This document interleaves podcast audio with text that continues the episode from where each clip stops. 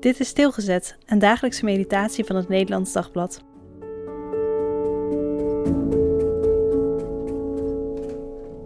Dwingeland 2 Samuel 3 vers 17 Abner onderhandelde met de oudste van Israël.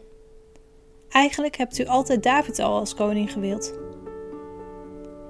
Opvallend, Isbozet doet wat David vraagt. Hij stuurt Michal terug en geeft David daarmee publiek eerherstel.